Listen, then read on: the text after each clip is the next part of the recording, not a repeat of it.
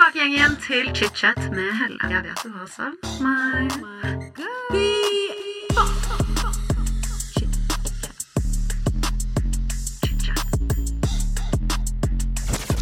I dag får jeg besøk av Abu her i studio. Du kjenner han kanskje igjen fra Sofa eller Abu Mayas Norge, eller du kanskje du er som meg, som har hørt på han i podkasten Med all respekt. Abu ble jo født i Pakistan, men han kom til Norge som bare liten babys. Og han forteller oss i dag om eh, oppveksten og om tenårene på Lørenskog i Oslo. I starten av 20-årene så gikk jo Abu med på et eh, arrangert ekteskap som foreldrene hans sto bak, og han forteller oss i dag om hvordan denne prosessen var for han, hvorfor han valgte å gjøre det, og også om presset fra familien. Vi har jo sett og hørt mye fra Abu de siste årene. Og jeg tenkte jo, etter det jeg har sett i media, at han hadde livet sjukt på stell. Det virket for meg som at karrieren hans har vært en dans på røde roser. Men etter jeg snakket med han i dag, så har jeg fått et ganske annet syn på det. Abu forteller oss i dag om dype depresjoner. Han forteller om fedme, fedmeoperasjonen og om hjertesvikten som nesten tok livet av han. Velkommen tilbake dere til chit-chat med Helle. Abu, velkommen til chit-chat. Tusen takk. Altså, Vi har jo prøvd å få i gang denne podkasten i lang tid, og endelig er du her. Ja, Veldig godt å se deg. Veldig godt å se deg også. Og etter mye frem og tilbake på Instagram, Mye så, DMs, så er vi her. Så er vi her. så er vi her. Mm. Vi skal jo snakke om livet ditt i dag. Så la oss bare hoppe. Mørk tid er det. Det blir litt mørk tid nå. La oss snakke om mørketida. Ok, jeg gleder meg til å høre. Vi går tilbake til Pakistan, for der er du født. Skal jeg, sa du jeg skal gå tilbake til Pakistan? Nei, vi skal gå tilbake vi til Pakistan. gå til- Vi tar en liten reise tilbake i tid. Yeah. For du er født i Pakistan, og hvis mine kilder stemmer, så bodde du der i tre år før du flyttet til Lørenskog. Tre år? Ja, Nei, stemmer det? familien min bodde her og bodde der. Oh. Jeg ble født der, og så ble jeg henta hit etterpå. Ikke tre år. Moren min sier det er seks måneder, åtte måneder eller noe. Ok, så det var såpass lite tid, Ja, da. ja. Men øh, jeg øh, Jeg ble fett på det Jeg liker å kalle det ferie. Eh, det som skjedde, var at familien min bestemte seg for å flytte til Pakistan. Eh, fordi eh, eh, Jeg tror faren min ikke ville at barna skulle vokse opp her, fordi det var så norsk. Oh, ja. Ikke sant? Så uh, flyttet til Pakistan fordi søstrene mine som er eldre søstrene mine begynte å bli litt eldre. Og de kan ikke vokse opp med norske folk her, fordi norske er litt gærnere. De er ikke muslimer og alt det der. Så jeg tok, de bare tok sjansen bare på grunn av kulturen delen sin og bare flyttet tilbake. Og da bestemte de seg for å føde meg der. Og så ombestemte de seg og kom tilbake igjen, Mamma klarte ikke å være der. Oh, ja. Vi, vi, vi må ikke glemme at uh, uh, når du har bodd For begge søstrene mine all, all, Alle tre søsknene mine er født der. Jeg er yngstemann. Så når alle tre er født der, og søstera mi var ti da de flytta til eh, Pakistan, fungerer ikke sånn, vet du. Mamma ble vant til Norge. Mamma ble, eh, eh, ba, altså Barna deres ble vant til Norge. Så det var veldig kjapt tilbakeflytting. Um, men uh, jeg er fortsatt litt usikker på når jeg kom til Norge. ja. Hvis, Men du du, baby, hvis, du, hvis du sier tre, og de sier Fordi jeg har sett bilder av meg i Norge fra jeg var halvannet år gammel. Så jeg, jeg vet ikke. Jeg tror alt er, ah, jeg vet ikke, jeg tror alt er illusjon. Verden fins ikke. Vi lever i et eller annet simu- simulasjon som en eller annen gammel, ekkel fyr som driver og styrer oss. Altså, det er Sims. Jeg vet ikke. Jeg vet ikke. Men altså, du er jo Du heter jo egentlig Abu Bakar Hussain. Jeg heter egentlig Abu mellomrom Baker mellomrom Hussein. Ah. Uh, jeg er en lat fyr i livet. Så når jeg fant ut at uh, Abu, Abu Bakar er mye enklere Altså Jeg skrev alltid Abu Bakar Hussein sammen, med liten B.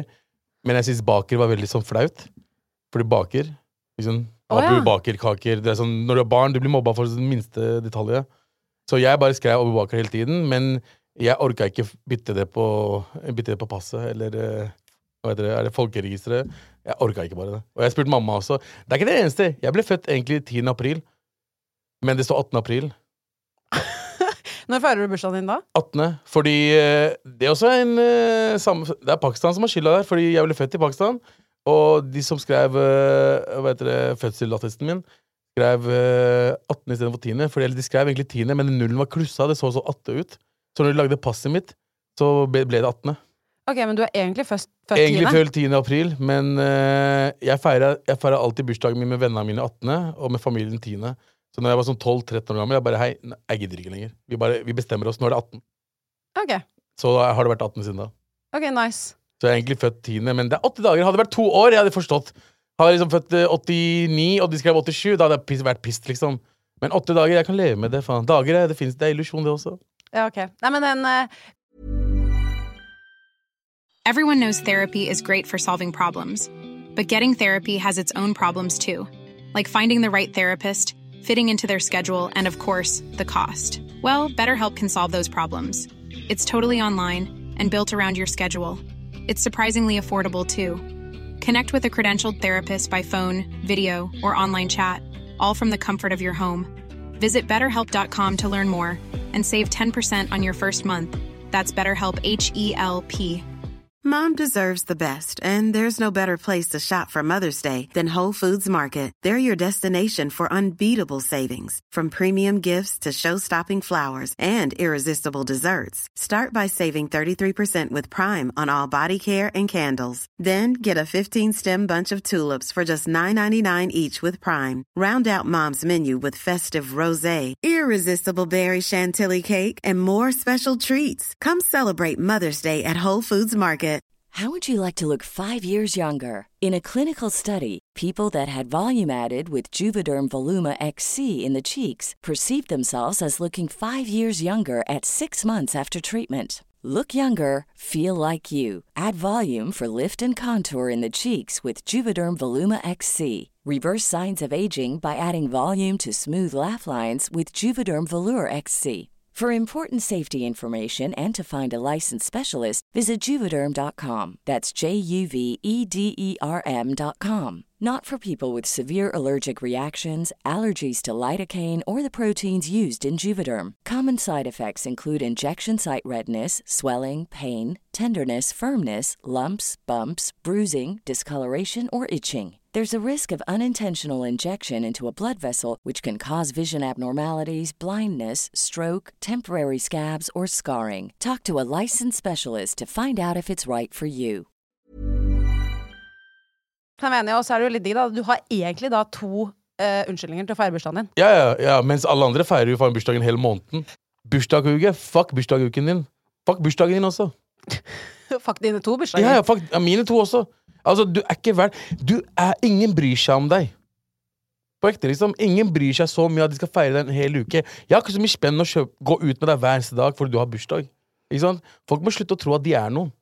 Men jeg kan forstå hva du mener, og jeg er enig med den der at Og der må jeg lære òg. Yeah. At eh, når jeg arrangerer min bursdag, liksom forventer at alle vennene mine skal komme, og yeah. forventer liksom en stor ståhei, da, Mm. så er det sånn det er mitt valg for min bursdag. Jeg kan Mm. egentlig ikke forvente noe. Jeg burde egentlig bare være glad, nesten, hvis de shower opp. Det er akkurat det. Du kan ikke bli sur for noe hvis ingen kan. Altså, igjen du er ikke så, Ingen er så viktig. Jeg er ikke så viktig. Ingen her er så viktig at noen skal gå fra alt de driver med, livet deres, barn, jobb, hva enn det er, for å feire deg i tre dager. Sorry, ass. Det har ikke jeg tid til. Ass. Det er for ingen. Så du har bursdag én dag. Den dagen er til deg. Ikke noe mer enn det. Mm, Ikke noe mer. Ferdig. Ferdig. Men du er jo oppvokst på Lørenskog. Det er jeg. Ja. Hvordan var tenårene dine? Tenårene dine på Tenårene mine var som alle andre sine, tror jeg. Så litt, sånn- litt sånn taperaktig. Uh, jeg, eh, jeg, jeg te, Tenårene mine var liksom Jeg fant liksom uh, hvem jeg var i tenårene. Um, men samtidig så hadde jeg liksom ikke jeg, jeg var en kule Jeg var med i den kule gjengen, men jeg var ikke den kule av de. Ok. Du skjønner hva jeg mener? Jeg Så var du var litt sånn nøytral? Han i jeg var bakgrunnen han, som bare jeg hang var med? han klovnen. Jo, jeg var, jeg var den morsomme. Så jeg var liksom han klovnen i bakgrunnen, han feite klovnen så liksom, som alle jentene syntes var veldig kul, men som alltid kom bort og bare Hei, eh, åh, jeg skulle ønske jeg fant noen som deg. Bitch, jeg er her. Men jeg er her! Hva er det du snakker om? Hva skal du med Henrik, da? Hva faen er det Henrik har som ikke jeg har? Kanskje mer penger? Kanskje han er kjekkere enn meg? Men han har ikke humoren min! Men eh, jeg var jævlig snill, ass. Jeg var jævlig snill gutt. Mm. Men jeg husker jo første gang jeg møtte deg. Å ja. Ja, og det Jeg ser på deg at du ikke husker det, i hvert fall. Nei, du, du skrev det til meg. Ja, fordi vi var hjemme hos en eh, felles bekjent av oss, Mm. venninne, eh, som jeg jobbet med før, som heter Sara. Mm. Jævlig søt dame. Sara jeg Big Booty Ho! Yes. Mm. yes! Shout-out til Sara. Ja, ja, jeg har kjent Sara faen over tolv år nå, tror jeg. Jeg tror jeg møtte henne i 2013 eller noe. Hun er søt. 12, kanskje? Jeg ikke. She's cute. Hun er veldig snill, veldig hyggelig. Og jeg husker jeg møtte deg i hvert fall i, i eh, hennes eh, sokkelleilighet, hvor vi alle satt der nede. Og da husker jeg at du var verdens hyggeligste. Det var det første jeg tenkte. At du var en veldig sånn varm, omtenksom person. Ja, jeg, jeg, jeg, eh, jeg vil ikke være det. Hvorfor ikke? Varme, omtenksomfulle personer kommer ikke langt i livet. Snille folk er ikke Ingen vil ha snille folk rundt i livet sitt. Hvordan kan du mene det? Verden Det er det eneste jeg vil ha. verden mener det. Det, det jeg forteller deg da, Jeg var jo dritsnill før. Jeg var, jeg var kanskje den hyggeligste fyren du kunne møte. Jeg var alltid sånn, tenkte det beste om alle. Var liksom, det mora mi lærte meg. Og så var jeg feit i tillegg, så jeg var sånn, jeg måtte være ekstra hyggelig. Fordi eh, jeg ble jo mobba da jeg var yngre, og jeg ville ikke være slem mot folk. Men med en gang jeg dytta det litt bort, da, begynte å bli litt mer slemmere etter at en dame fucka opp livet mitt, så ble, likte folk meg mye bedre. Så jeg har bare innsett at snille folk er, å være snill er ikke en fin ting å være. Så utrolig trist, egentlig. Det er veldig trist, altså, men det er livet, ass. Det er livet, ass. Det er det, men, øh, men øh, jeg prøver å altså Jeg prøver ikke å være noen jeg ikke er. Hvis jeg er hyggelig mot deg, så er jeg bare hyggelig. Det er ikke sånn at jeg prøver å være hyggelig, men jeg husker ikke det i det hele tatt. Men, øh, men det, det her er, det her tenker jeg liksom er 2015-ish, er det ikke det? Altså, det er dritlenge siden, Ja. så jeg eh, forundrer meg ikke et halvt sekund. Nei, men fordi jeg har vært med mange kvelder ute med Sara, og jeg husker jeg var hjemme hos henne én gang, tror jeg. Var det da ved moskeen, Kurgrønland? Uh, nei, det det var, det var liksom basically på Frogner. Har jeg vært hjemme hos Sara Frogner? Jeg husker ikke en dritt, ass. Jeg husker ikke en dritt. Oh, what a time to be alive. Ja. Memorable times. Nei, men det var, her var mest sannsynlig da jeg var veldig, veldig nede i livet mitt. Uh, mest sannsynlig. Uh, da, jeg husker veldig lite av den uh, perioden. Mm. Jeg husker at du var ganske stille, men du, det du sa, var at du virket veldig hyggelig og grei, men du var Veldig stille. stille. ja, Mm. Jeg gikk gjennom skitten-tiden der, også, Så, Mm. Men ja. Men jævlig hyggelig å hilse på deg, da. I like måte. Altså, vi mange, eller vi mange, mange kjenner deg jo igjen fra Media-Norge. For du har jo blant annet vært med i Sofa, og du er jo kjent fra Abu og Mayos Norge, som er deres dokumentarserie. Mm. Og eh, mange har også sikkert hørt stemmen din i podkasten deres, med all respekt. Har du alltid tenkt at du ønsket å jobbe innenfor media? Nei. Jeg, jeg, jeg kommer fra en familie Altså, jeg, jeg kommer fra en familie som så veldig mye på Bollywood-filmer da vi var yngre. Så jeg har alltid vært interessert i entertainment. Livet mitt var etter skolen, da jeg kom hjem og så på Happy Hour. Uh, vet du hva Happy Hour er? Hvor gammel er du egentlig? Jeg er 28. Jeg er født i 94. Jeg er gullbaby. Å ja, du er 94, ja. Eh, da vet du kanskje ikke hva Happy Hour er. Happy Hour var liksom fra klokka tre til fem, nei, klokka tre til seks. Eh, på TV Norge så gikk det sånn sitcoms.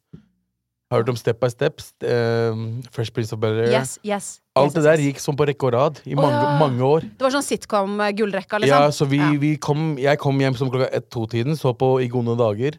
uh, og så så jeg på Glamour, Uh, Home and Away. Å, og så begynte, For en tid. så begynte Happy Hour. ikke sant? Så jeg, jeg var veldig interessert i å serier og filmer. Jeg drømte om å være en av de svarte kidsa på Fresh Prince of Bel-Air.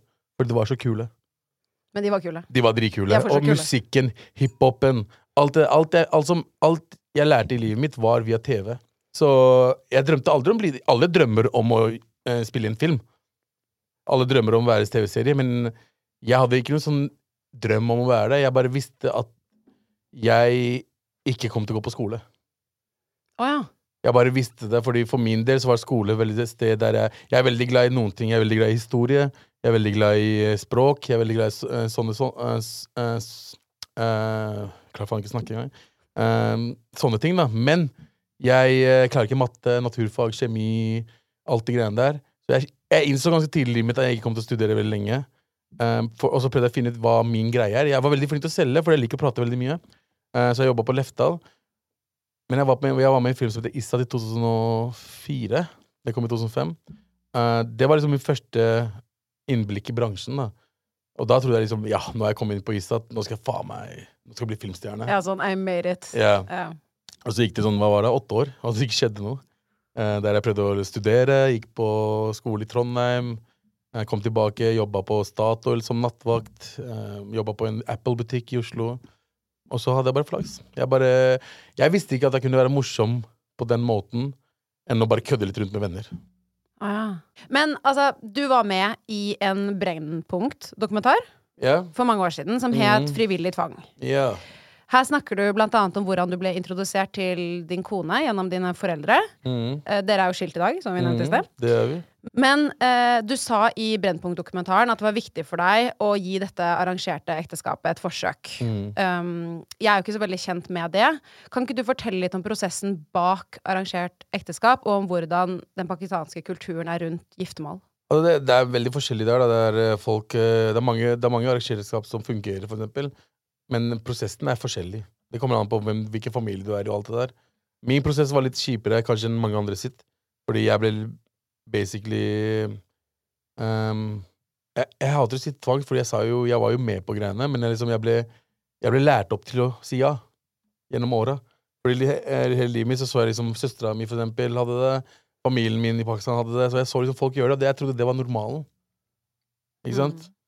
Um, og så, når du føler deg Når du føler at det er normalen, og du kanskje ikke um, lever opp til forventningene til foreldrene dine ellers i livet, med tanke på jobb og alt det der og sånn, så føler du liksom Du føler liksom at du må gjøre noe for dem. Og gifte seg er ganske litt stor ting å gjøre for familien sin. Men uh, det bare føltes riktig ut da. Selv om jeg var veldig usikker. Jeg var, jeg var ikke sikker da heller. Hvor gammel var du? Ah, faen, jeg husker ikke, altså. Det der uh, Typ 23-ish.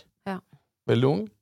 Um, og um, hadde jeg bare visst de tingene jeg vet nå, hadde generelt bare vært litt mer voksen. Vi, vi menn blir jo ikke voksne i hodet før vi er sånn 30. Vi er jo barn ganske lenge. Uh, hadde jeg visst, eh, så hadde jeg selvfølgelig sagt nei der og da. Men uh, skjebnen, ting skjer. Jeg fikk jo to bra unger ut av det. Så jeg kan ikke drive og klandre familien min for at de gjorde noe når, kultur, når de er vokst opp med den kulturen der, uh, og forventer ting og tang. Og så, vet du hva Hell i uhell. Mm. Vi har det bra nå, vi, vi har god tone. Barna våre har- det bra. Altså, jeg kan ikke eh, Jeg kan ikke dvele over fortida hele tiden. Altså. Så Men kan jeg spørre, fordi hun var jo fra mm, stedet hvor foreldrene dine er fra, i Pakistan. Dro du da ned dit og møtte henne? ja. Og så introduserte foreldrene dine deg? Ja, ja, det var sånn, Mamma var sånn bare, Hun bare, bare gift deg med pakistanere, så er det et, et fett om hvem de gjør det med. Så det var jo mer sånn bare, bare bli med til Pakistan, og så se på noen jenter. Ja. Det er det det er. er jo Litt sånn kongelig. Det er sånn Hei, hello, prins, come. Ja, fordi jeg må Watch this. Nei, de viser, viser deg bilder, og fra, og de kommer fra den familien. Kommer fra det. Det, det folk må huske, at kulturen er helt forskjellig.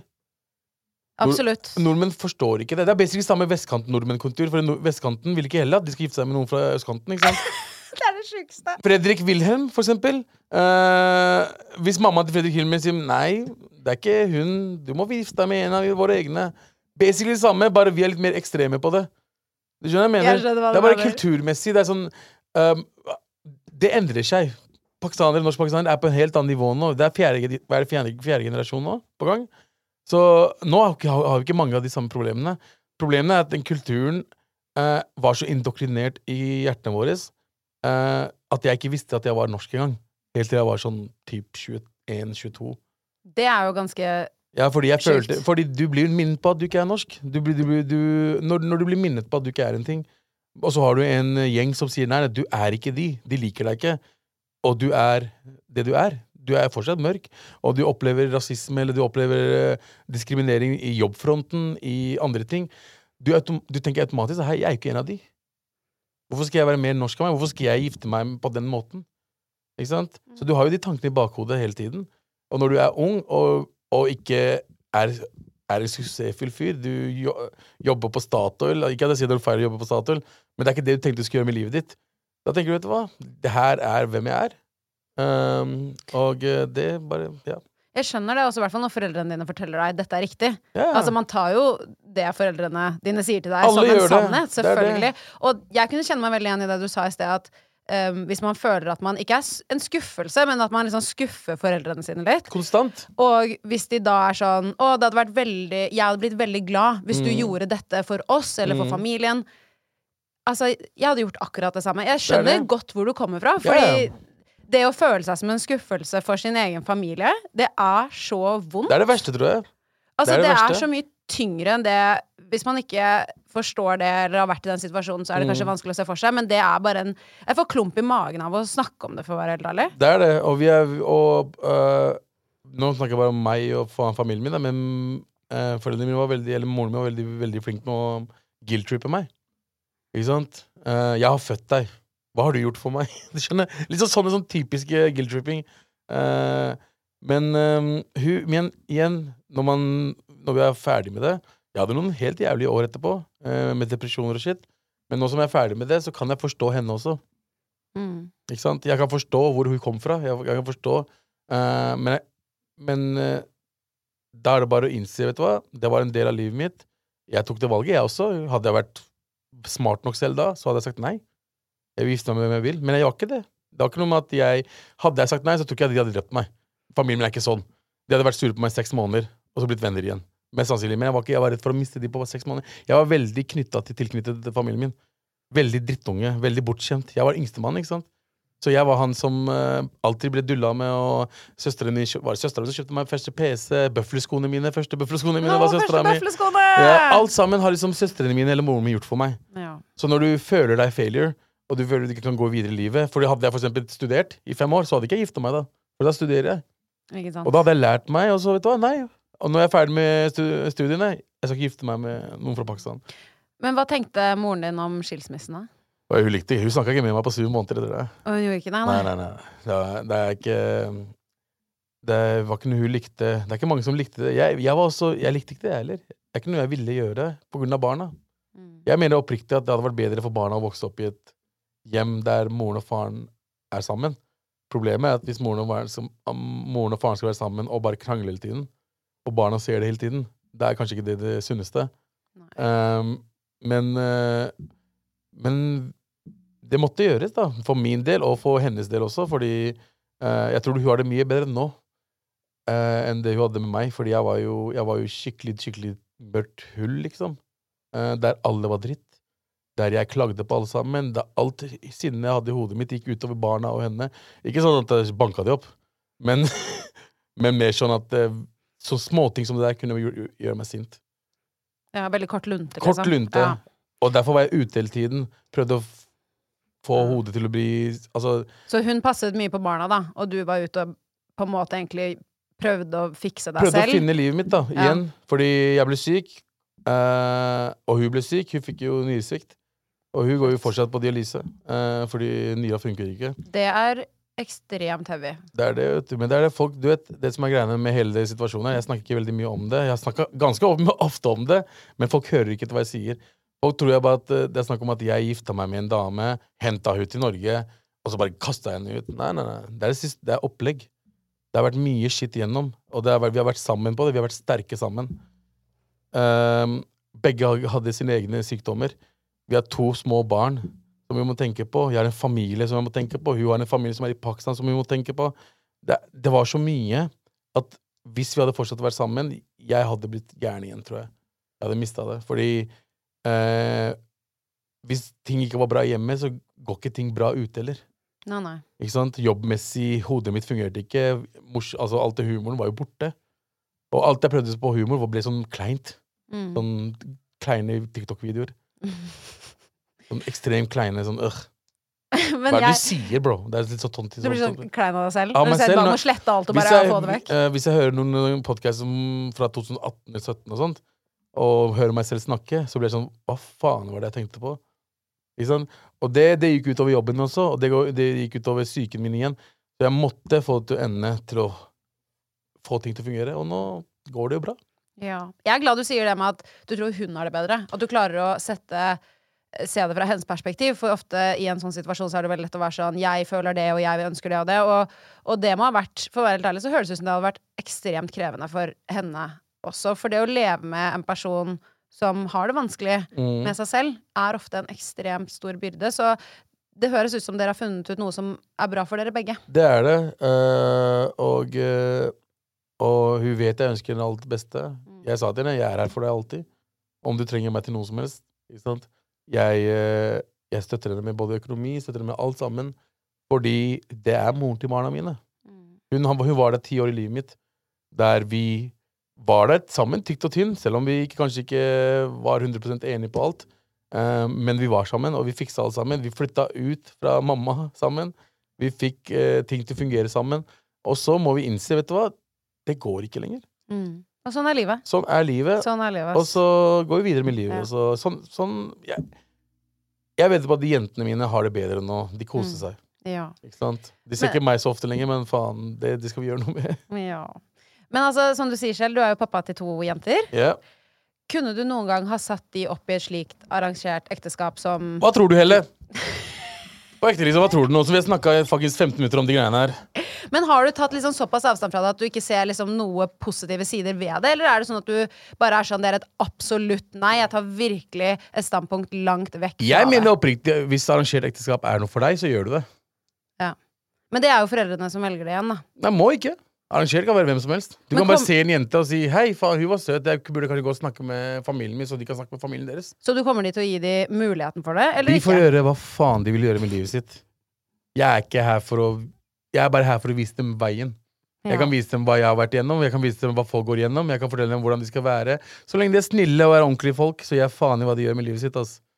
Resten får de bestemme selv. Det er ikke så viktig for meg. Ja. Det er det, som, det er det som egentlig burde være alle foreldres drøm.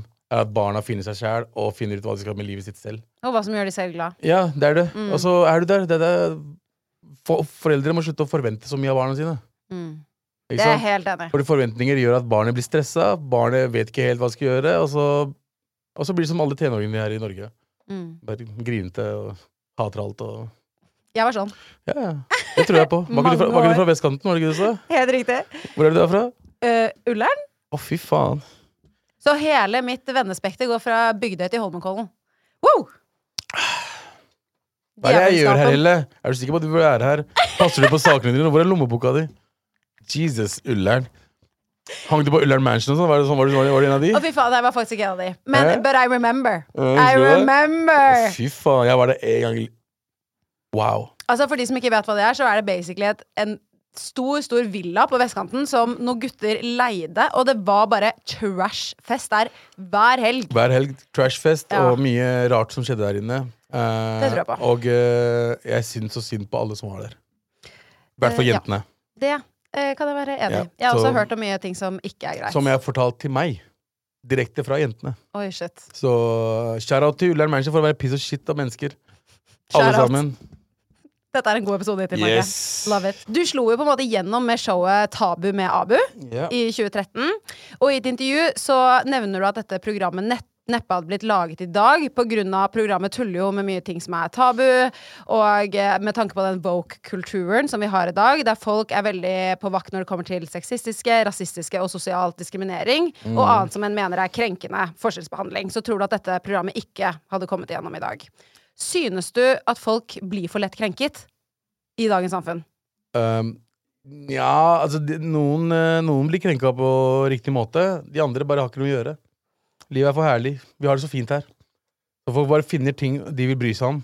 Um, når, du, når du graver etter noe du skal finne, så finner du alltid noe.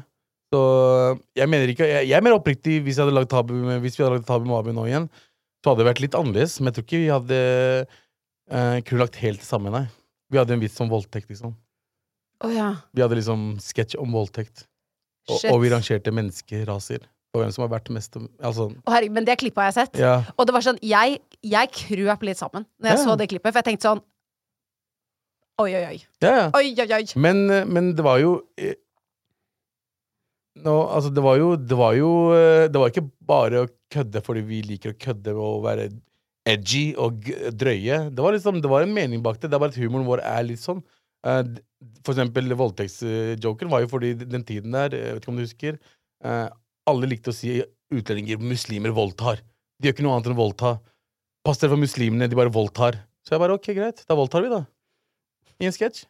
Du lagde bare komi komedie ut av det. Vi, vi, vi, det vi gjorde med Tabi Mabi, var at vi blåste opp alle fordommene alle har mot hverandre. Både fordommen fra utlendinger, og fra nordmenn, og fra noen andre steder. Vi blåste opp til det grader at de skjønte hvor faktisk dumt det er. Mm. Du kan ikke, du kan ikke si at en hel rase gjør noe spesielt noe. Altså, du kan ikke si for sånn, Det med den joken om, eh, eller den sketsjen om eh, rasen og sånn, var jo egentlig fordi somalierne fikk eh, gjennomgå veldig mye den tiden i media. Av Nav-sakene og alt det der. Og alle bare mente at alle somaliere er dritt. Alle somaliere er navere. Alle somaliere er Og det er bare Hører dere hva dere sier, liksom? Så du mener en hel nasjon mennesker er helt like? Vi er jo individer. Altså, det, er det. det var noe fint med det, men, men, på, en- men det vi vil, er at folk skal få vondt i magen av ting de tenker på egentlig selv også. Og det klarte dere. Det, vi klarte det på en viss si. måte, ja. Ja, ja. Eh, og uh, det gjør vi fortsatt til den dag i dag, med all Mm. respekt. Uh, For man er- må litt kødde litt med det òg, fordi folk har mye syke tanker om ting. Og hvis vi ikke setter litt spørsmålstegn ved de, de tankegangene, Ja. hvordan skal vi komme oss videre? Så jeg mener at det å lage komedie ut av det er en veldig fin vinkling for at man er litt sånn oi, ok, shit. Selv om jeg er oppvokst med de tank den tankegangen, Mm. så betyr det ikke at det er riktig. Nei, nei, nei, nei, men igjen, du må jo kødde på en måte at folk skjønner at det er kødd. Åpenbart. Du, kan ikke, du kan ikke kødde og si Jævla pakkiser! Og så bare Nå, jeg mente ikke ekte, da. Altså, det, jeg, mener, jeg mener jo selvfølgelig på kødd. Ja, men bro, du sier det på en ikke, Det er sånn som når Mayu skal si en joke, da. Når Mayu skal si en vits, så skjønner ingen aldri rundt han at det er en vits. Bare jeg gjør det, fordi jeg vet at han ikke har en ironisk fjes. Å, det er så nydelig! Mayu er så nydelig! Han er dritnydelig. Uh, kvalmende nydelig. Uh, og, eh, når, når, og det er mange derfor mange blir eh, satt på plasser. Det er derfor liksom, la oss si Atle-tingen og Bernt Hulske-tingen. Hvis de sier at det er humor, og ingen andre rundt dem sier at det er humor, så er det ikke de andres feil. Det er hvordan du har tatt den vitsen. Godt eksempel. Ikke sant? Veldig godt eksempel. Så eh, jeg forstår begge sidene. Mm. Det er, det er viktig å ta kamper der det trengs å ta kamper. Eh, og så er det viktig også ikke vanne ut humoren. Humoren er her, her for å få deg til å smile i fuck, fucka verden. Vi gjør shit for å få folk til å smile, ikke fordi vi vil få ut mest mulig eh, diskusjon. Nei, nei, nei, jeg vil bare at du skal le. Mm. Det er som en orgasme for oss. Er det det? Det er beste, den beste følelsen i livet mitt er når jeg klarer Everyone knows therapy is great for solving problems, but getting therapy has its own problems too, like finding the right therapist, fitting into their schedule, and of course, the cost. Well, BetterHelp can solve those problems. It's totally online and built around your schedule. It's surprisingly affordable too. Connect with a credentialed therapist by phone, video, or online chat, all from the comfort of your home. Visit betterhelp.com to learn more and save 10% on your first month. That's BetterHelp H E L P.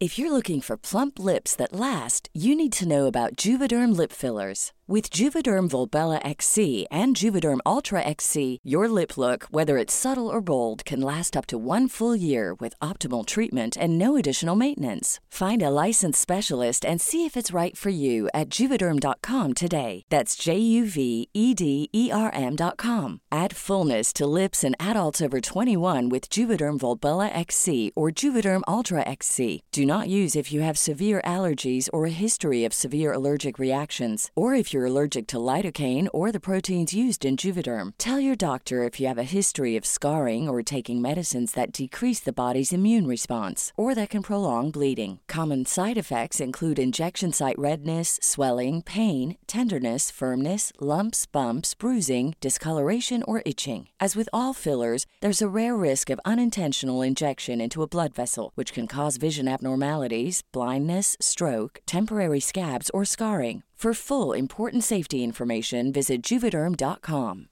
One size fits all seemed like a good idea for clothes Nice dress. Uh, it's a it's a t-shirt. until you tried it on. Same goes for your healthcare. That's why United Healthcare offers a variety of flexible, budget friendly coverage for medical, vision, dental, and more. So, whether you're between jobs, coming off a parent's plan, or even missed open enrollment, you can find the plan that fits you best. Find out more about United Healthcare coverage at uh1.com. That's uh1.com. få noe til å smile. Ja, for det var akkurat det, det tenkte jeg på. Sånn, det å stå på en scene Mm. og faktisk få en hel crowd til å le. For en Altså, det må være den mest narsissistiske, deilige følelsen i verden. det. Du får seriøst gåsehud! Ja, ja, det er fordi det er en følelse som ikke er tilnærmet noe annet. Når, når jeg får noen til å le høyt, da har jeg klart det. Det er min achievement for den dagen, eller for det livet. Du skjønner jeg mener? Og det er derfor uh, vi, For eksempel på podkasten vår, så går ikke vi på lufta for å være edgy, være drøye. Vi liker å kødde rundt og snakke om shit som vi har lyst til å snakke om, så dere som hører på, ler. Hvis du ikke ler, da har ikke vi gjort enten jobben vår, eller så er ikke humor for deg, eller den humoren vår er ikke noe for deg. Så igjen, selvfølgelig ta opp kamper der, skal, der det trengs noen kamper. Og så bare ikke ta alt Ikke prøv å kansellere alt. Mm. Cancel culture er helt uh, Altså, hvis den personen har gjort en feil, forklar hvorfor du gjorde den feilen. Hvis du oppriktig mener det, bare fortsett med jobben din, liksom. Jeg mener Mm. opp, oppriktig at Atle ikke fortjente å bli cancelled. Fordi jeg har møtt Atle. Jeg er en brun fyr. Atle kjenner Jørnis. Atle kjenner flere utenlandske. Bestevennen til Atle er Johan Golden.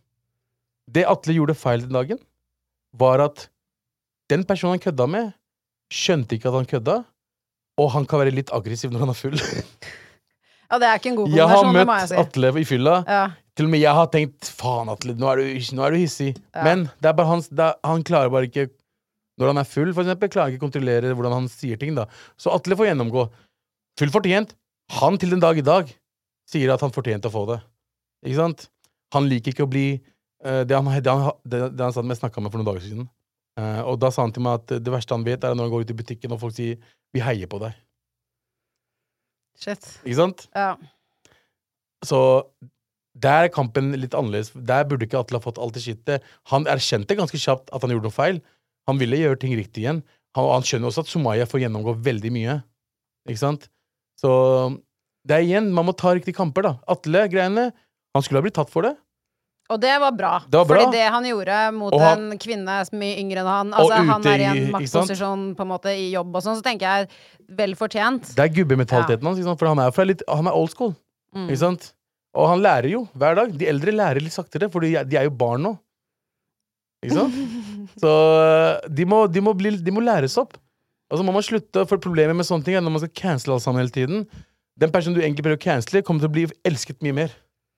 Du, det er veldig sant. At man får litt sånn Man, man, får, man blir martyr. ikke sant? Det er mange Mm. som blir det. Um, og det er samme skjedde med Andrew Tate, for eksempel. Ikke sant?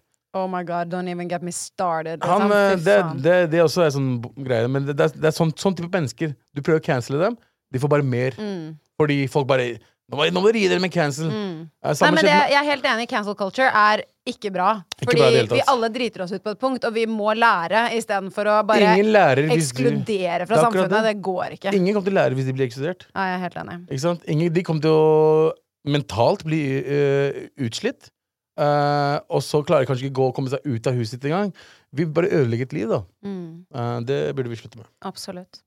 Men ok, over til noe litt mer eh, sånn seriøst i ditt privatliv, da. Mm. Kanskje ikke noe mer seriøst, noe like seriøst, men i ditt privatliv. Yeah. I 2015 så skjedde det en alvorlig hendelse. Yeah.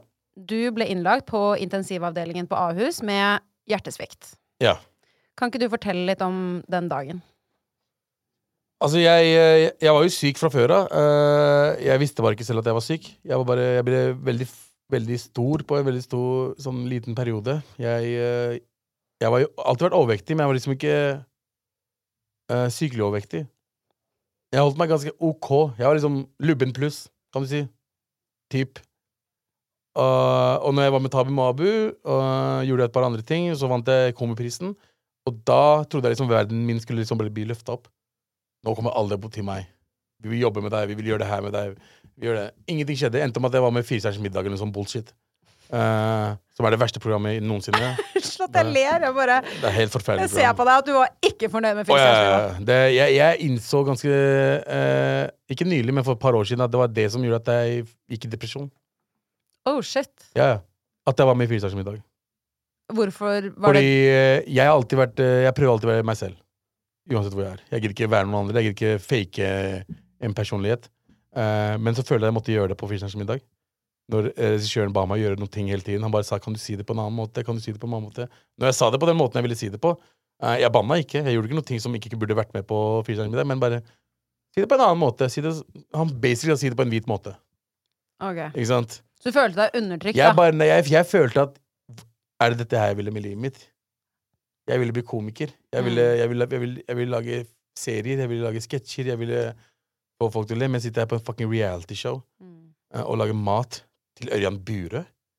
Og uh, Jannike Veden er jo kul, da, og Silje Torp. Men liksom, jeg sitter med de folka her og lager mat, og så får jeg beskjed om å snakke riktig. Mm. Jeg tror det er det knekken kom, da. Ja. Uh, og uh, Og da begynte jeg å gå veldig sånn Visste ikke helt hva jeg skulle gjøre. Begynte, begynte å være sånn DJ-er hver helg overalt. Uh, for det var fett å feste. Eh, bare liksom Så du begynte tirsdag til søndag så festa jeg, liksom. Men var det det som da gjorde at livsstilen din ble dårligere, som gjorde til slutt at du fikk dette yep. denne hjertesvikten, da? At det Mm. var livsstilen din, egentlig? Sånn Livsstilen var forferdelig. Ja. Alt, uh, alt jeg gjorde, var feil. Maten, dop, drikke, sove lite, Mm. ta ikke vare på meg selv, hygiene.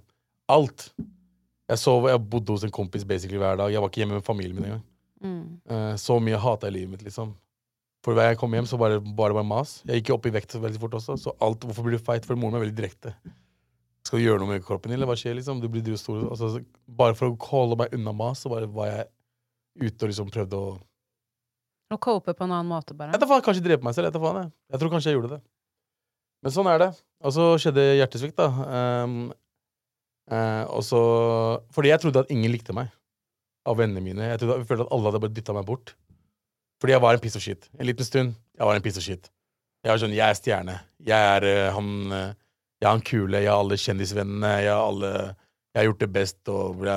Så alle liksom disse, Jeg var liksom Når gutta mine fra back in the day spurte om Hei, skal du være med og henge med oss, og sånt, så sier jeg ja. Og så ditcher jeg de og henger med noen kjendiser. Ok, ja. Jeg gjorde sånne ting. ja. Og det er jo ikke Det er ikke bra. Det du, er en, du er en piss og shit hvis du gjør sånt. mm. Og så gjorde jeg det en stund, og så bare til slutt så var det sånn Jeg, jeg var veldig aleine. Jeg var med folk, men jeg var aleine. Alle jeg hang med, liksom Hang jo ikke med meg, de hang jo med Abu. Ikke sant? Så jeg bare følte at uh, alle mine nærmeste som bryr seg om meg, er jo ikke der lenger. Gutta mine Galvan og alle de, de har podkasten min, og sånn, de hadde slutta egentlig å møte meg. De var sure på meg, for jeg ga jo faen i livet mitt og deres og alt sammen. Uh, men så ble jeg syk, uh, og så overlevde jeg. Eh, Hjertesyk. og det er- jeg- eh, Den dagen, da, altså når jeg sto opp, så var liksom de vennene mine, ekte vennene mine der. Ikke sant? Det fucker opp hodet ditt enda mer. Så jeg holdt basically å drepe meg selv i løpet av et års tid, og så er alle vennene mine som jeg egentlig er glad i, der. Og de stiller opp. Og de stiller opp. Og de kommer. Var det et vendepunkt, vil du si? Det var starten på en vendepunkt. Ja. Det tok tid. Det tok meg i hvert fall fire-fem måneder før jeg sto opp av senga. Bare for å gå, gå og gjøre noe. Jeg var deprimert. Ikke sånn jeg deppa fordi eh, mamma ikke kjøpte PC til meg. Jeg var deprimert. Alt var kjipt. Dødsangst. Alt. Jeg hadde liksom Jeg gjorde ikke noe annet enn å røyke weed og se på Netflix. Hjemme. Og bare lå inne. Jeg lå inne, inne. gikk ut for ta en J, kom inn igjen og la meg. Mm. Det var livet mitt, fordi eh, jeg klarte ikke å sove. Tankene mine, hodet mitt rulla hele tiden. Jeg prøvde å komme meg tilbake i den bransjen her. Sendte melding, mails etter mails, meldinger etter meldinger til folk jeg visste, trodde jeg kunne liksom hjelpe meg opp igjen. da. Uh, noen svarte, noen svarte ikke, noen svarte veldig vagt. Uh, manageren min den tiden, uh, som var på plan, plan B, eh, sendte han melding, sa at hei, jeg, begynner å bli litt friskere, jeg har lyst til å lese og begynne å begynne et sted igjen, kanskje vi skal begynne å tenke på noe og sånt. Svarte meg aldri. Jeg ringte han 40, 40, 50, 60 ganger. Manageren din? Manageren min tok ikke opp telefonen. Unnskyld at jeg sier, men det er sånn Han er et rasshøl. ja, Han er han, han ikke- fortsatt manageren din? Nå, nei, nei, er du gæren. Ja, ok. uh. Men nei, nei, nei, nei. Men han, eh, han har til den dag i dag kontaktet meg og sagt bare hei, det, det, dette er grunnen til at jeg ikke tok opp, eller hva som helst. Hva var grunnen hans? Ja, jeg vet ikke. Han har ikke ringt meg ennå. Rasshøl. Ja, ja. Men uh, Sorry. ja, jeg vet det, han er det. Uh, men så var det selvfølgelig alltid noen som er der, da. Mm. Uh, jeg måtte jobbe litt her og der. Plutselig så fikk jeg sjansen igjen til å starte en podkast. Fordi jeg hadde tenkt Vet du hva, kanskje podkast er noe for meg. Fordi jeg var sånn, jeg hører ikke på podcaster. Fordi jeg har ikke Jeg har ikke attention span til å følge med på noe. Jeg må se det. Jeg er en C-fyr. Uh, og uh, så fikk jeg med gutta mine, Fordi da sendte jeg også en jævlig lang, klein, sikkert mad klein mail til Kristina eh, Resk på NRK, eh, som var sjefen min på Tabu Mabu og sa at uh, sorry for alt jeg gjorde, og jeg vet jeg var litt kjip og ikke hadde dårlig arbeidsmoral og alt det der. Men uh, jeg har lyst til å liksom komme tilbake, fordi Og da, dette er da jeg gikk på stønader. Jeg gikk på sosial stønad i tre måneder. Jeg fikk, uh, jeg fikk dagpenger, eller sånn for si, Du som jobber er enkeltmannsforetak. Mm. Jeg har ikke noen sykepenger. Nei, nei. Ing ingenting å falle tilbake på. Ingenting å falle nei. tilbake. Så da jeg ble syk, så fikk jeg ikke noen sykepenger. Jeg fikk AAP på sånn 11 000 i måneden eller noe. Mm. Og det er ikke noe. Jeg barn. Jeg hadde ett barn, men jeg fikk to da. Så Um, du hadde det samtidig? Wow, det er sånn, for å være ærlig, det nesten glemte jeg oppi alt det her nå. Ja, at du selvfølgelig har en familie og tre år, også. tre år så hadde jeg ikke penger. Shit. Ikke sant? Så jeg levde fattig. Det er der jeg møtte Mayo også. Jeg var, jeg var fattig. Fattig-fattig, liksom. Mm. Og så må du på Nav og være fattig. Det er det verste du kan gjøre i livet ditt. For Nav er veldig sånn, de, viser, de forteller deg at du er fattig. Mm. De er veldig flinke til det. Så Jeg må leve med det. Jeg må, jeg må leve med depresjonen min, angsten min. Jeg har familie å tenke på. Jeg har en karriere jeg må tilbake til. Det er mye, ekstremt mye Ekstremt press, mye da, og da ble du bare liggende inne. Da ble jeg bare liggende inne, og- Røyke weed og Og så øh, Og så begynte jeg å ta meg sammen, og så møtte jeg Mayo. Og så Sakte, men sikkert funka podkasten. Så kom Camp Culinaris, og så bare rulla ballen, liksom. mm. Så det har vært hardt arbeid siden 2015, Ja, det skjønner jeg. 2016, for å komme meg til et normalt liv og kan leve av det jeg liker å gjøre. Ikke sant? Du nevnte at du hadde dødsangst. Um, jeg leste en artikkel i VG hvor det sto at du faktisk var død i 40 sekunder. Ja, Har det mye med den dødsangsten å gjøre? jeg følte at det, Der trodde jeg Altså, da, da jeg døde, da, med Gåstein, var liksom Det, så, det føltes som jeg var en verdens diggeste drøm. Ja. Den følelsen, du vet, den der de sier at du får den der eh, eh, Det var en heroin uh, Rush, liksom. rush liksom? eller sånt. Ja. Det bare Det bare Ikke at det var blomster, men hvis du lukker øynene, så var det bare noe hvitt blomstrete bare hele tiden. Og du bare har den diggeste filen etter Tror du det er sånn det er når vi dør? Jeg vet ikke, ass. Jeg, ikke, jeg fikk ikke noe sånn tilbakeblikk eller noe. Nei. Så, men jeg trodde jeg skulle bare Jeg visste ikke at du skulle dø. da Jeg trodde jeg skulle liksom bare sove veldig godt. da For jeg hadde ikke sovet på mange dager før det skjedde. Uh, det var en jævlig digg følelse. Det hadde jeg jævlig følt følelse å stå opp igjen. Da, for det var sånn Hadde det vart i noen sekunder til, så hadde det vært respirator. Ja, wow. Og respirator, så vet du ikke om du lever, om du, eller om du går i koma, eller hva som helst. Så jeg var heldig der. Altså, jeg hadde ja. engle, englevakt et eller annet sted. Ja, du har gått Dette her er ordentlig heavy greier. Altså, det er helt oh, ja. Altså, det er sånn Når vi sitter og snakker om det, det er vanskelig å ta det inn over seg, men bare det å tenke på at du har, du har barn på dette tidspunktet, du har en familie du skal supporte, du skal prøve å komme opp på bena dine igjen. Du har basically vært et rasshøl mot alle vennene dine, så du vet jo Mm. ikke hvem som kommer til å stille opp for deg heller. Det det.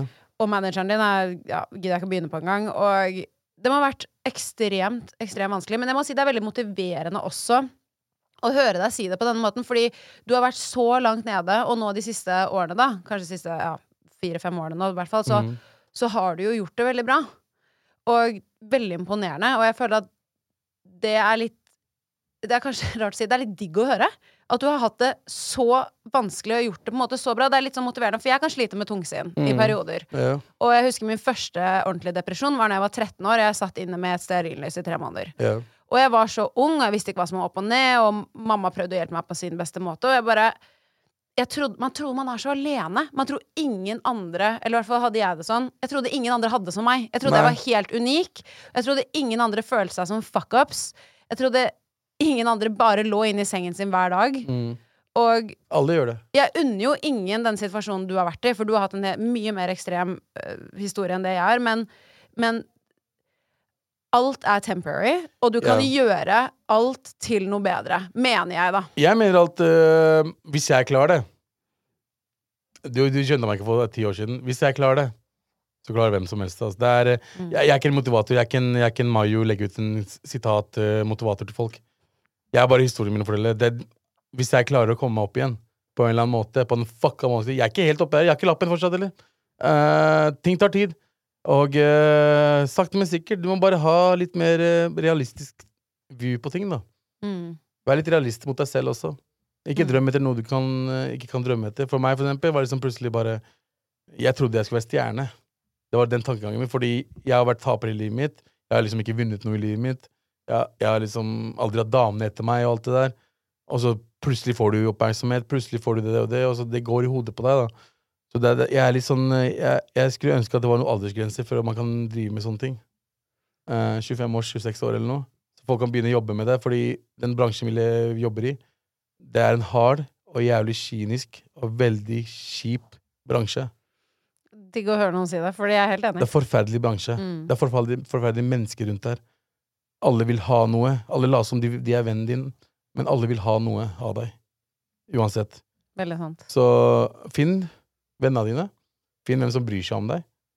Finn hvem som vil deg det beste, ikke hva de kan få ut av deg. Ikke sant? Mm, Og, og så kommer de sakte, men sikkert. Hvis du har det nede Bare tenk at, jeg, bare tenk at det er noen som har det verre. Mm. Alltid er det noen som har det verre. Alle går gjennom depresjoner. Alle går gjennom uh, shit i livet. Ikke, ingen er perfekte. Ingen har det så bra som de la som de har det. Ikke se opp til folk som du tror har det så fint på Instagram. De, de fucker opp, de også. Alle sammen. Mm. Så man må bare ta, ta depresjonen din, lev med det, og vær stolt av det. For det er en menneskelig greie. Man har depresjoner. Hjernen din er Den har mye å tenke på. Uh, hvis du ikke har depresjon, så kommer ikke du til å ha noe framgang i livet ditt heller. Nei, det er veldig sant. Fordi i Kommer ikke til å vokse i det hele tatt. Hvis ikke tatt. du Hvis ikke jeg hadde blitt Ja. syk, så hadde ikke jeg voksa. Nei. Jeg hadde ikke blitt voksen, eller voksen på mange måter. Jeg er fortsatt fucka i mange måter, men jeg, jeg hadde ikke liksom nå, nå, tar jeg, nå tar jeg ansvar, liksom. Jeg tok ikke ansvar. Det var det jeg skulle si. Ansvar. Jeg var ikke veldig flink til å ta ansvar på shit jeg gjorde, eller øh, familien min, eller hva som helst. Jeg tar ansvar for shit. Ok. Og du lærte det på den harde måten? Jeg lærte på harde, ha meg, men det var den måten jeg trengte å læres på. Ja. Noen blir lært opp før de kommer til den, til den alderen. Jeg har en kompis som for eksempel har vært dritflink på alt hele livet sitt. Ikke sant? Men det er fordi han kommer fra en, en, periode, fra en familie som kanskje er sånn. Ikke alle har det. Men han, han også gikk gjennom shit.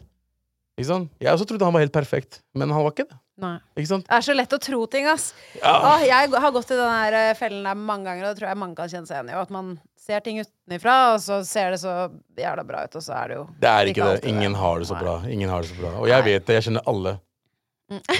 Jeg kjenner alle. Og de, de snakker til meg fordi jeg liker å prate. Så folk snakker til meg. Jeg vet hvordan folk har det. Mm. Og det er ikke Så man må bare finne det positive i livet ditt og leve med det, liksom. Det er det. Jeg også har det kjipt av og til nå også. Mm. Jeg har noen dager jeg bare har ikke lyst til å gjøre dette her. Mm. Ikke, ikke humor. Humor kommer jeg til å gjøre hele livet mitt. Men Men liksom i være i den bransjen her, fordi det er utmattende av og til. Ja, det er det. Det er chit-chat til tider, altså. Det kan jeg bare si. Ja, men så ser du frem, og så tenker du, vet du 60 av livet mitt er bra. Ja. Og det er bra. Det er bra nok. Er Akkurat, akkurat nå så er det bra ass. nok. Ja. Herregud. Men du nevnte i sted det vendepunktet. Og det som kanskje var vendepunktet, var i november 2020. Mm. Så gjennomgikk du en uh, fedmeoperasjon. Ja. Ja. Som du sier har forandret livet ditt i flere intervjuer og ja, anledninger. Vil du fortelle litt om hvorfor du valgte å ta den operasjonen? Jeg følte at jeg var på vei tilbake til å få noe hjertegreier igjen. Eh, fordi jeg begynte å gå opp. Veldig jojo med meg når det gjelder vekt. Mm. Det var veldig sånn opp, ned, opp, ned. Plutselig gikk jeg ned 15 kilo, plutselig gikk jeg opp 20. Eh, og det er fordi det er sånn kroppen er. Og fordi jeg liker mat. Ja. jeg liker mat. Mat er godt. Hvorfor i helvete skal jeg ikke spise mat? Jeg elsker mat. Ikke sant? Uh. Og så liker jeg å trene. Men når du er så stor, så er ikke det så lett å trene hele tiden. Det må folk forstå. Til dere som klager på at store folk ikke, å- ikke trener. Det er 50 ganger hardere for oss. Det, men uten å kødde, folk vet ikke. Det er derfor jeg ikke liker Peter som er tynne. Men det der skjønner jeg ikke at folk ikke snakker mer om. Jeg vil ha Peter som har vært feite før. For de som skal jobbe med overvekt, de PT-ene må ha vært feite før. Mm. Og så kan de snakke til meg etterpå. Men når du som PT har studert Nå sa jeg gåsehud. Har studert at ja, du må gjøre det, du må spise det, du må gjøre det, og prøver å forvente at en person på 150 kilo skal være like rask som deg på ting, og, og flytte på ting, og komme seg opp fra eh, sofaen til deg, det er ikke det samme. Mentalt sett, vi er langt bak. Vi er ikke, det er en grunn til at man blir overvektig. Det er en grunn til det, og det er ikke fordi vi bare elsker mat. Alle elsker mat, men det er fordi tankegangen din er at uh, Er at, vet du hva, jeg kommer ikke noen vei uansett. Mm. Hva er vitsen at jeg går og trener når jeg ikke kommer noen vei? Hva er vitsen at jeg går og trener, jeg blir bare sliten, kommer hjem, og så er jeg sliten hele dagen, og så må jeg stå opp og gjøre det igjen, og så går jeg ikke ned mer enn fem kilo i løpet av et år? Og det er så demotiverende. Det er veldig demotiverende, og det er, den, det er det som er problemet med overvekt, er at folk blir demotivert av sånn bullshit som det. Å gå ned i vekt er i, pra i teorien veldig enkelt. I teorien, ja. I teorien er det Mm. veldig enkelt. Praksis ikke i det hele tatt. Nei. Fordi de sier spis mindre, tren mer. Kalori, mindre kalori inn, Mm. mer kalori ut. Et eller annet sånn bullshit. Ja, vi vet det. Alle vet det. Problemet er at når du har spist mye hele livet ditt, når magen din er ustrukket sånn som den er, så blir ikke du mett like fort. Ikke sant? Så endte, det endte med meg at jeg bare, vet du hva, nå har jeg prøvd i to år. Så du tok den operasjonen. Jeg må ta den, for Ja. hadde jeg fortsatt nå, da var jeg vel 33, ish, 32. Hvis jeg ikke tar den nå, så kom Jeg blir bare eldre. Og eh, kroppen min blir bare eldre og eldre. Mm. Så hvis eh, den ikke tåler lenger, så blir jeg sykere fort enn det, det som skjedde forrige gang. Da tok det et par år. Men nå hadde jeg ikke tatt det, så jeg bare, vet du hva, jeg går og snakker med legen. vet du hva, jeg tror, For legen min spurte meg for år, noen år tilbake igjen og sa vil du ta operasjon istedenfor. Og jeg bare nei, jeg har lyst til å gjøre det selv. Ok, Så du hadde fått uh, Jeg hadde fått tilbud før, ja. Mm. Men kan jeg spørre da, fikk du operasjonen statlig støttet, eller Ja. gikk du privat? Statlig. Ja. Privat? Nei, nei, 100 100 000. Hvor, hvor hadde jeg jeg, jeg, var- jeg, jeg var jo fattig da. Så det var statlig. Det var veldig mye ventetid, da.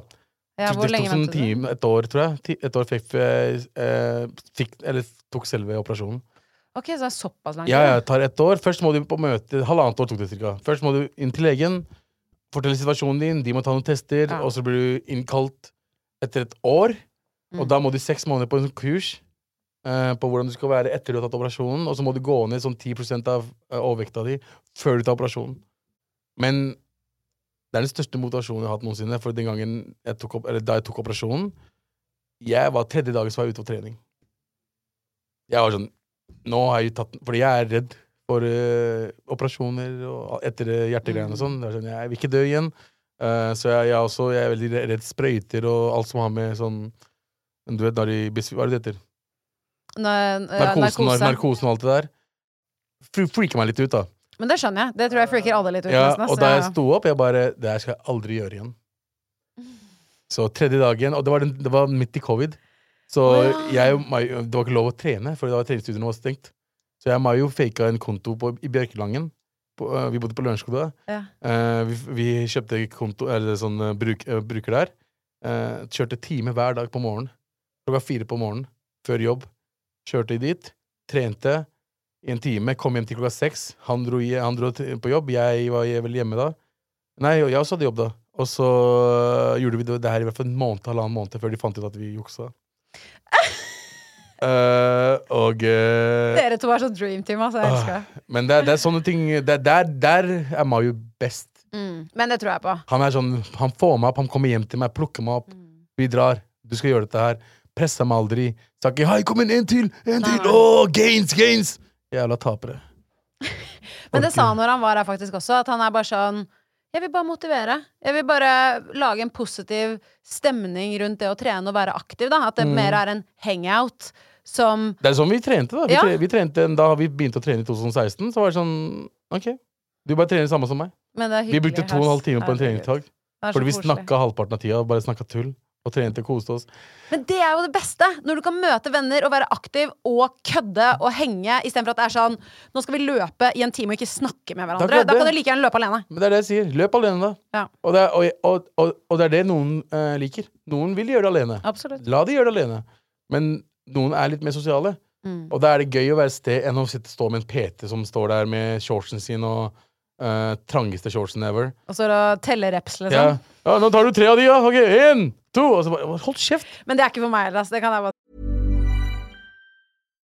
If you're looking for plump lips that last, you need to know about Juvederm lip fillers. With Juvederm Volbella XC and Juvederm Ultra XC, your lip look, whether it's subtle or bold, can last up to one full year with optimal treatment and no additional maintenance. Find a licensed specialist and see if it's right for you at juvederm.com today. That's J U V E D E R M.com. Add fullness to lips in adults over 21 with Juvederm Volbella XC or Juvederm Ultra XC. Do not use if you have severe allergies or a history of severe allergic reactions, or if you're allergic to lidocaine or the proteins used in Juvederm. Tell your doctor if you have a history of scarring or taking medicines that decrease the body's immune response or that can prolong bleeding. Common side effects include injection site redness, swelling, pain, tenderness, firmness, lumps, bumps, bruising, discoloration, or itching. As with all fillers, there's a rare risk of unintentional injection into a blood vessel, which can cause vision abnormalities, blindness, stroke, temporary scabs, or scarring. For full important safety information, visit juvederm.com.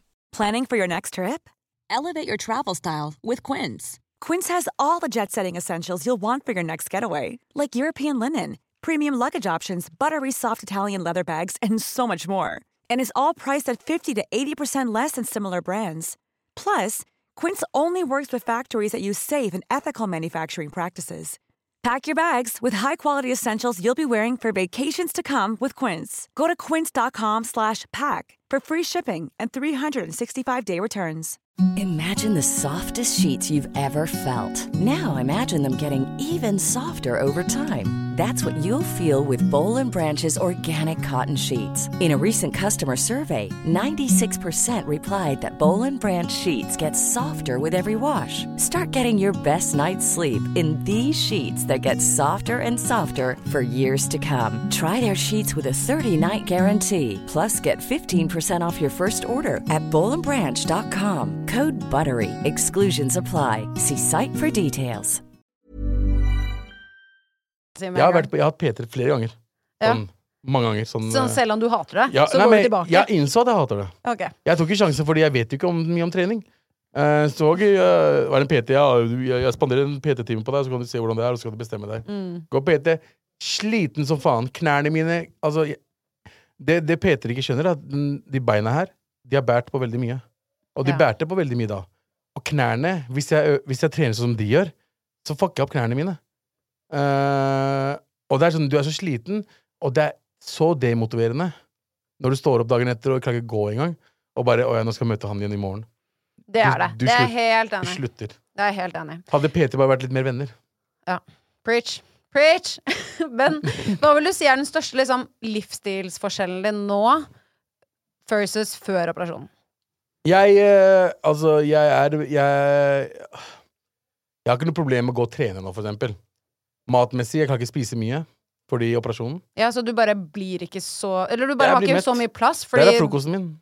Å ja, du viser en liten milkshake. Ja. Ja, eller sånn proteinshake. Proteinshake. Og Mm. det er frokosten min, og det er, den jeg har, det er eneste jeg har dru- spist eller drukket i dag. Ja. Og jeg er mett. Sjukt. Sånn, det er jo det er, fra, Altså, det er jo litt sjukt. Ja. Sånn at, fordi de har jo bare klippet vekk liksom 80, 80%. av magesekken din, Mhm. liksom. Bare Ja. borte. Privi- Privilegiet jeg har, og jeg elsker det. Det Ja. minner meg på at, vet du hva Fordi det som er greia hver gang jeg spiser noe eh, La oss si jeg spiser to, to brødskiver da, med ost. Mm. På slutten av andre brødskive så begynner jeg å bli mett. Sånn mett. Og da begynner maten å komme opp. Oi. Så jeg kjenner det. Så den der basically maten min sier ifra når jeg skal slutte å spise. Eller magen min, sier. Magen min sier ifra. Ja. Men nå har jeg lært meg når jeg skal stoppe, før den følelsen kommer. ja, for det er jo det det handler om. Jeg vil ikke ha den følelsen. Nei, nei. Det er jævlig ekkel følelse. Men det, det, det dumping. Det er basically at eh, enten kommer det ut av munnen, eller diaré. Ok, Pakker nice. opp magen din.